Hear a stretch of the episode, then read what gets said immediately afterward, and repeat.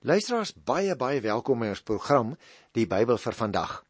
Ons is mos besig met die boek Levitikus op die oomblik en ons is vandag by die 9de hoofstuk. Nou ek dink as jy nou self voor ons program miskien al so 'n bietjie uh, hierdie gedeeltes wat ons elke dag behandel vooruit lees, dan sê jy agterkom dat 'n mens eintlik in die voorskrifte eh, 'n uh, groot stuk herhaling kry. Veral wanneer dit kom by die handelinge wat die priesters moes uitvoer.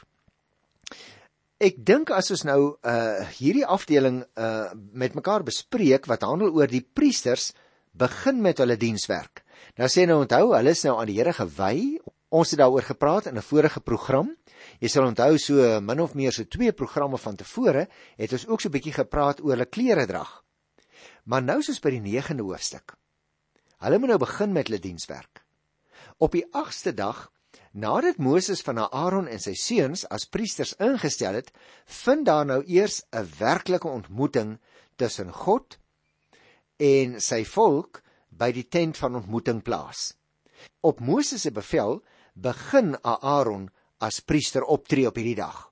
Hy bring eers 'n sondeoffer en 'n brandoffer om verzoening te doen vir die priesters. Mens skryf dit so in uh, vers 7 tot 14 en daarna die hele gemeenskap wat word uh, verteenwoordig deur die leiers wat ook by die tent van die samekoms teenwoordig was.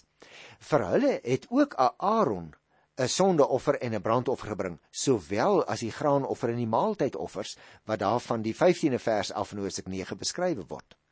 Nou moet jy oplet. Wanneer Moses en Aaron aan die volk seën om aan te dui dat God die offers aangeneem het, bevestig die Here dit self en hy toon dit aan dat hy self teenwoordig is, net soos by Gideon. Hy skryf die verhaal in Rigter 6 vers 21 en ook soos in die geval van Elia se offer op Karmel. Daar in 1 Konings 18 van vers 38 af wys die Here dat hy die offer aanvaar deur vuur op die altaar te laat kom wat alles wat daarop is verteer. So die Here natuurlik nou ook aangedui dat hy uh, deur sy magtige teenwoordigheid hier by sy volk in die tempel homself in sy teenwoordigheid aan hulle wil bekend maak.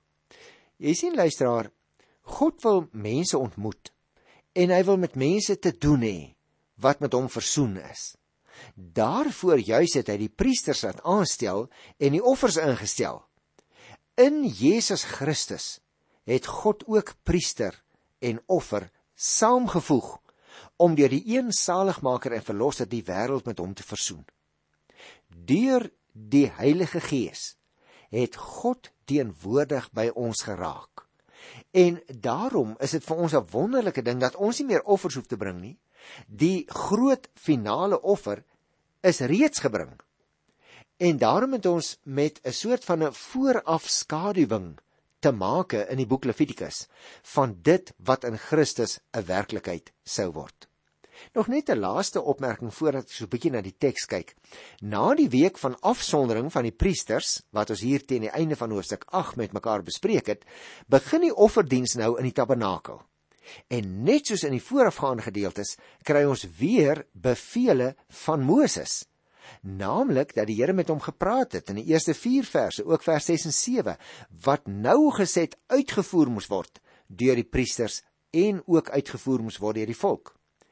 Twee groepe offers gaan gebring word in hierdie hoofstuk, naamlik die offers wat bedoel was vir Aaron en die priesters, dit is daar in vers 8 tot 14, en dan ook die offers wat bedoel was vir die volk van die 15de vers af. Nou kom ek lees net uh, so klein gedeelte in Levitikus 9 hier van die eerste 14 verse. Toe die week, dit is nou daardie week van afsondering, toe die week verby was, het Moses vir Aaron, sy seuns en die leiers van Israel laat roep. Hy sê toe vir Aaron: "Vat 'n bulkalf en 'n ram, albei sonder liggaamsgebrek, en offer die kalf as 'n sondeoffer en die ram as 'n brandoffer aan die Here. Sê dan vir die Israeliete: Hulle moet 'n bokram bring as sondeoffer en 'n bulkalf en 'n lam as brandoffer. Almal 'n jaar oud en sonder liggaamsgebrek. Nou lees ek hier by vers 5. Hulle het alles wat Moses beveel het na die voorkant van die tent van ontmoeting toe gebring en die hele gemeente het saamgekom in die teenwoordigheid van die Here kom staan. Vers 6. Toe sê Moses: Ons sal nou doen wat die Here beveel het. dan sal die magtige teenwoordigheid van die Here aan julle geopenbaar word. Moses sê toe vir Aaron: "Kom nader na die altaar toe en offer die sondeoffer en die brandoffer wat vir jou bedoel is en doen verzoening vir jouself en jou mense. Bring daarna die offer vir die volk en doen verzoening vir hulle soos die Here beloof het." En dan lees ons tot daar aan die einde van die 14de vers hoe dat hulle nou die offers gebring het. Nou kom ons gesels so 'n bietjie oor hierdie eerste 14 verse hier in Levitikus by die 9de hoofstuk. Aaron en die priesters uh is gereinig en aan die Here gewy deur die wassing en deur die besprinkeling met die offers. Dit het ons gesien in die hele hoofstuk 8. En hulle het 'n week lank nie die heilige gebied verlaat nie. Dit was daar ook teen die einde van hoofstuk 8, jy sal dit nog onthou. En nou moes Aaron tot sy dienswerk begin toetree met die sondoffer en die brandoffer om vir homself en vir die priesters verzoening te doen. So lees ons nou hier in die 9de hoofstuk by vers 7. En hieruit luisteraars dink ek is een ding duidelik, naamlik hoe heilig God is. En die diens aan hom is net so heilig en hoe sondig die mens is. Jy sien, hieruit kan ons natuurlik die afleiding maak dat die offers van die ou verbond tog nie die sonde volledig kon wegneem nie. Want as 'n mens nou in Hebreërs gaan lees, uh, in die 10de hoofstuk, die eerste 4 verse, dan ontdek jy dat die offer van die Here Jesus eintlik die finale offer is wat gebring sou moes word. Die sonde en die brandoffer wat vir Aaron en die uh, en sy priesters gegeld het, kom ook ooreen met die voorskrifte daarvoor wat ons gekry het in die eerste hoofstuk en ook in hoofstuk 4. Die enigste verskil is nou dat die bloed van die sondeoffer nie in die heilige deel teen die voorhangsel gesprinkel is of aan die wierookaltaar gesmeer is nie, maar aan die altaar se horings. Mens lees dit hier in die 9de vers en jy sal onthou ek het al vir jou gesê, die altaar was waarskynlik maar min of meer so groot soos 'n gewone kateder se bokant. So rapsie groter dalk. En aan elkeen van sy vier hoeke was daar so uitsteeksel en dit is genoem die horings van die altaar. En wanneer iemand 'n sonde begaan het en mense wil hom met klippe stenig, dan hardloop hy na die altaar toe. Hy hou met sy hande vas aan een van hierdie horings van die altaar en dan kon mense hom natuurlik nie doodmaak nie. Want daarmee kom doen hy belydenis van sy sonde. En daar was ook 'n offer wat gebring moes word. Maar dan In daardie tyd van die openbaringsgeskiedenis spreek die Here hom vry. Nou die rede daarvoor is moontlik dat die priesters na die wyding van die tabernakel in Eksodus 40 nog nie weer in die heilige deel ingegaan het nie. Hier kry jy dus ook geleidelik uh as ek die beeld mag gebruik, hoe dat die deur 'n klein bietjie oopgaan, dat dit tog nie net die priesters was wat 'n uh, uh, vir die volk ingetree het nie. Mense kon ook uit eie beweging hulle toevlug na die Here toe neem. Maar kom ons kyk nou 'n bietjie verder by uh, Levitikus 9 van die 15de vers af. Daarna het Aaron die offer van die volk na die altaar toe gebring. Hy het die bokram wat as sondeoffer vir die volk bedoel was gevat, om geslag en geoffer op dieselfde manier as die vorige sondeoffer. En dan lees 'n mens 'n bietjie verder hierso by vers 19. Aaron se seuns het die vetdele van die bul en die ram, naamlik die vetstert en die niervet, die niere en die punt van die lewer op dieselfde borsstukke gepak en dit alles vir Aaron gegee. Nou hierdie soort van voorskrif het ons ook al 'n vorige keer teëgekom, maar ek wil tog so klein bietjie met jou daaroor gesels. Jy sien, die sonde en die brand en die graan en die maaltydoffers van die volk verskil ook van die voorskrifte alleen in die opsigte dat die regterbout saam met die borststukke 'n deel van die beweegoffer gevorm het. En die rede daarvoor is blykbaar dat al die priesters aan die offerseremonie deelgeneem het en dat daar dus nie 'n offergawe aan die diensdoende priester afgestaan kon word nie. En nou net hierdie opmerking wat ons hier lees. Dit was afgesien van die daaglikse offer wat ons hier in vers 17 kry. Uh, wat dan nou verwys na die graanoffer wat die priesters elke dag moes ontvang. Jy onthou nog daar by die 6de hoofstuk van die 19de vers af. Het ons gelees hulle moes elke dag 'n deel van die graanoffer ontvang. En nou tussen hakies, die woord brandoffer wat ons hier uh kry, verwys dus in hierdie geval nie na 'n gewone brandoffer nie, maar na die priesters se daaglikse graanoffer wat heeltemal verbrand is. Jy sal onthou in die geval van die priesters en die volk is geen skuldoffers gebring nie omdat daar nie berekenbare wat sal ek dit noem skade aangerig is wat vergoed moes word nie. Die die mens kan dus van sy kant af alleen maar gehoorsaam wees in die uitvoering van God se beveel. En dan kom 'n mens hier by die laaste paar versies in Levitikus 9 van vers 22 af. Kom ek lees 'n stukkie daarvan. Nadat Aaron die sondeoffer, die brandoffer en die maaltydoffer gebring het, het hy sy hande na die volk toe uitgesteek en hulle geseën. Hy het van die altaar afgeklim en saam met Moses in die tent van ontmoeting ingegaan. Toe hulle uitkom, het hulle die volk geseën. Die magtige teenwoordigheid van die Here is toe aan die hele volk geopenbaar. Vuur wat van die Here gekom het, het op die oorblysels van die brandoffer en die vetstukke op die altaar weggebrand. En toe die volk dit sien, staan daar, was daar uitroepe van blydskap en hulle het almal op hulle knieë geval. Nou uh, luisteraars, die priesterlike seën was natuurlik 'n vaste deel van die erediens. En dit het bestaan uit 'n toesegging van God se guns aan die volk. En ek dink die bekendste voorbeeld is die in uh, Numeri, miskien moet ek dit tog net gou uh, vir jou lees, daar in Numeri 6 en ek is seker uh, jy het dit al van tevore gehoor want dit is 'n baie bekende gedeelte wat uh, leraars en pastore in die erediens vandag nog gebruik om mense aan die einde van die diens die nuwe week in te stuur. Mens kry dit in Numeri by die 6ste hoofstuk van vers 22 af. Die Here het vir Moses gesê: "Sê vir Aaron en sy seuns: So moet julle sê wanneer julle die Israeliete seën. Die Here sal julle seën en julle beskerm.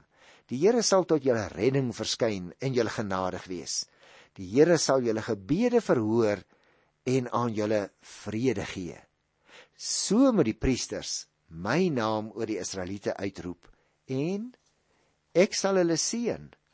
Nou is dit nie 'n wonderlike seënbede waarmee die mense, die gelowiges destyds ook al weggestuur is en ons vandag ook nie. God bevestig met ander woorde aan Aaron en aan Moses die seën deur 'n sigbare teken van sy magtige teenwoordigheid. Vuur van die hemel was juis in daardie tyd 'n baie besondere teken van God se mag. Jy kan dit ook gaan lees in 1 Konings 18 waar ons van die hemelvaart van uh, Elia lees toe hy lewendig in die hemel opgeneem is en van sy aanvaarding uh, van 'n offer wanneer die Here uit genade die offer van 'n mens aanvaar. Gaan kyk maar Rigters 6 by die 21ste vers, sy ook 'n baie goeie voorbeeld kry.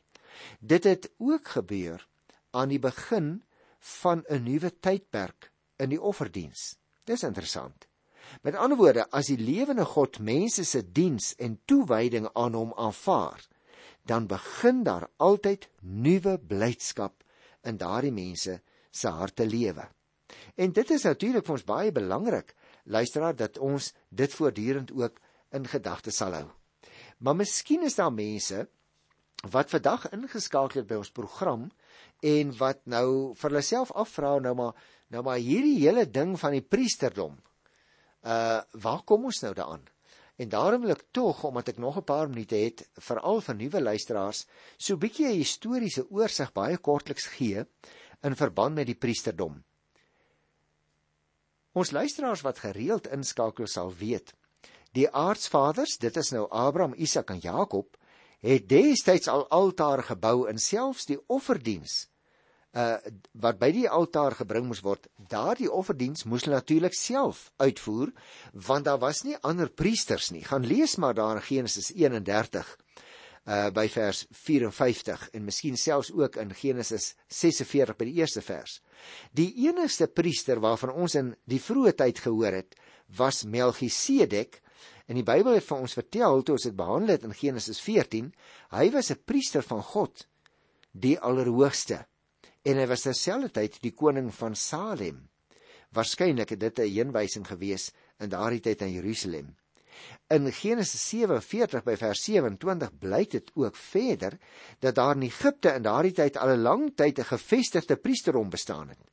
Dit was ook die geval met ander gebiede in die ou nabye ooste.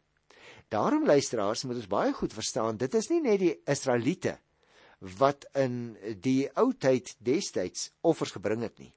So byvoorbeeld was daar ook Reuel, die skoonvader van Moses, wat ook 'n priester was. Nou priesters se werk uit die aard van die saak in die eerste plek om offers te bring. Gaan kyk maar in Eksodus 2 daarvan die 16de vers af. Nou tot 'n Israelitiese priesterdom tot stand gekom het en dit het eers gekom toe die eerste Israelitiese heiligdom naamlik die tabernakel ontstaan het, lees ons van 'n vaste uh, offerstelsel by die ou Israeliete. Oor die ontstaan van die priesterdom lees ons hoofsaaklik in Eksodus 28 en dan hierdie gedeeltes waarmee ons nou besig is Levitikus. Dit het begin by Levitikus 8 en tot ook nog met volgende program wanneer ek Levitikus 10 sal behandel, lees ons juis van die ontstaan van hierdie priesterdom by Oud-Israel. Daarvolgens was die priesterskap die prerogatief van een van die Israelitiese stamme, naamlik die stam van Levi. Die Lewiete was verdeel in drie groot geslagte. En uh, dit is genoem na die drie seuns van die uh, eerste uh, priester Levi, naamlik Gerson en Kehat en Merari. Van hierdie drie geslagte was die Kehatite die belangrikste groep. Onder hulle was die geslag van Amram, wie se seuns Aaron en Moses dan ook getel het. Dit was die familie van Aaron wat uiteindelik afgesonder sou word vir die volle priesterdiens, terwyl die ander families, die Gersoniete en die Merarite, die hulpdiens by die heiligdom verrig het. Hulle was dus so bietjie, as ek dit so mag sê, uh meer op 'n diens vlak as die priesters uit die geslag van Aaron. Baie interessant luisteraars, in die rigtertyd het 'n afstammeling van Moses priester geword by die heiligdom in Dan. Maar die wyse waarop dit gebeur het, word nie vir ons vertel nie. Jy kan wel die geskiedenis gaan lees in Rigters 17 en ook in Rigters by die 18de hoofstuk. Samuel tussen hakies was ook 'n leviet en hy het self ook die priesterlike funksies in sy tyd waargeneem by die heiligdomme in Mispa en ook in Bethel en in Gilgal en in Rama en selfs in Bethlehem waar daar 'n klein heiligdom was maar hy was nie 'n priester in die sin dat hy verbonde was aan die heiligdom nie Wanneer mens kom by die koningstyd, teen die begin van die koningstyd, hoor ons eers van 'n priesterfamilie by die heiligdom in Nob wat weens hulle hulp aan die voortvlugtige Dawid deur Saul uitgeroei is. En die hoof van hierdie familie was Ahimelech, die seun van Ahitub. Ahitub was 'n regstreekse afstammeling van Aaron. En daarom is dit interessant dat 'n ou kan gaan kyk hoe dat hierdie lyne dikwels deurgetrek is van die Levitiese priesterskap af tot by priesters wat later eers um, by die heiligdom opgetree het. Die meeste van hulle was dan ook afstammeling van die leviete. Met die opkoms van die koningskap het die status van die priester so bietjie 'n verandering ondergaan. So blyk byvoorbeeld uit die amptenaarlyste van Dawid en Salomo dat hulle amptenare van die koning was wat verbonde was aan die koninklike heiligdom. Hoewel hulle nou as amptenare voor die gesag van die koning moes buig, het hulle verbondenheid aan die staatsbestel eintlik in status hierdie mense verhef vernaamlik die na die sentralisasie van die kultus en die afskaffing van die heiligdom elders as in Jerusalem. Die betrokkenheid van die priesters by die staatsbestel het etlike kere te volg gehad tot gevolg gehad dat priesters betrek is in 'n stryd om die troonopvolging. Byvoorbeeld, Abjatar is uh, byvoorbeeld na Anatot verban omdat hy vir Adonia teen Salomo gekies het terwyl Jojada die troon vir die regmatige opvolger verseker het deur teenoor Atalia 'n uh, moeilikheid te maak. En daarom is dit belangrik in die tyd tussen Salomo en die ballingskap verneem ons heel weinig van die priesters. Hoekom? Daar's waarskynlik verskillende oorsake daarvoor. Eerstens, byvoorbeeld die feit dat die priesters in hierdie tyd selde betrokke was in die politieke gebeure. Tweedens, die belangriker feit dat hierdie tyd grootendeels een was van godsdienstige verval waarin afgodiese praktyke in die tempel self geheers het en baie van die ou kanonitiese heidendomme weer in ere herstel is. Maar daar is 'n moontlike derde oorsaak en dit was die opkoms van die profete as vertolkers van God se wil. 'n Funksie wat voorheen ook by die priesters berus het en geleidelik oorgegaan het as 'n rol wat die profete gehad het. En daarom het ek al van tevore vir jou vertel, daar was nooit goeie verhoudinge tussen priesters en profete nie. Hoekom nie? Want die priesters was kulties gebonde. Hulle het altyd besig gewees met die tempel, die bring van offers, al die verskillende rituele in die tempel wat uitgevoer moes word, die instandhouding van die hele tempel, die aansteek van die lampe byvoorbeeld. Dit was die taak van die priesters. Veral nadat die tempel van Salomo gebou is en die kultus sy beslag gekry het. Die profete daarenteen was vryblywend van die kultus. Hulle was persone wat deur die Here opgewek is om 'n baie spesifieke boodskap te verkondig. Daarom sê hy byvoorbeeld dikwels hoor hoe dat die profete die volk wat deur die priesters bedien is, opgeroep het tot bekering. Luister maar as jy uh, Jeremia 4 lees by die eerste versie. Daar staan As jy jou wil bekeer o Israel, moet jy jou tot die Here jou God bekeer. En wanneer uh wanneer praat Jeremia hierdie woorde?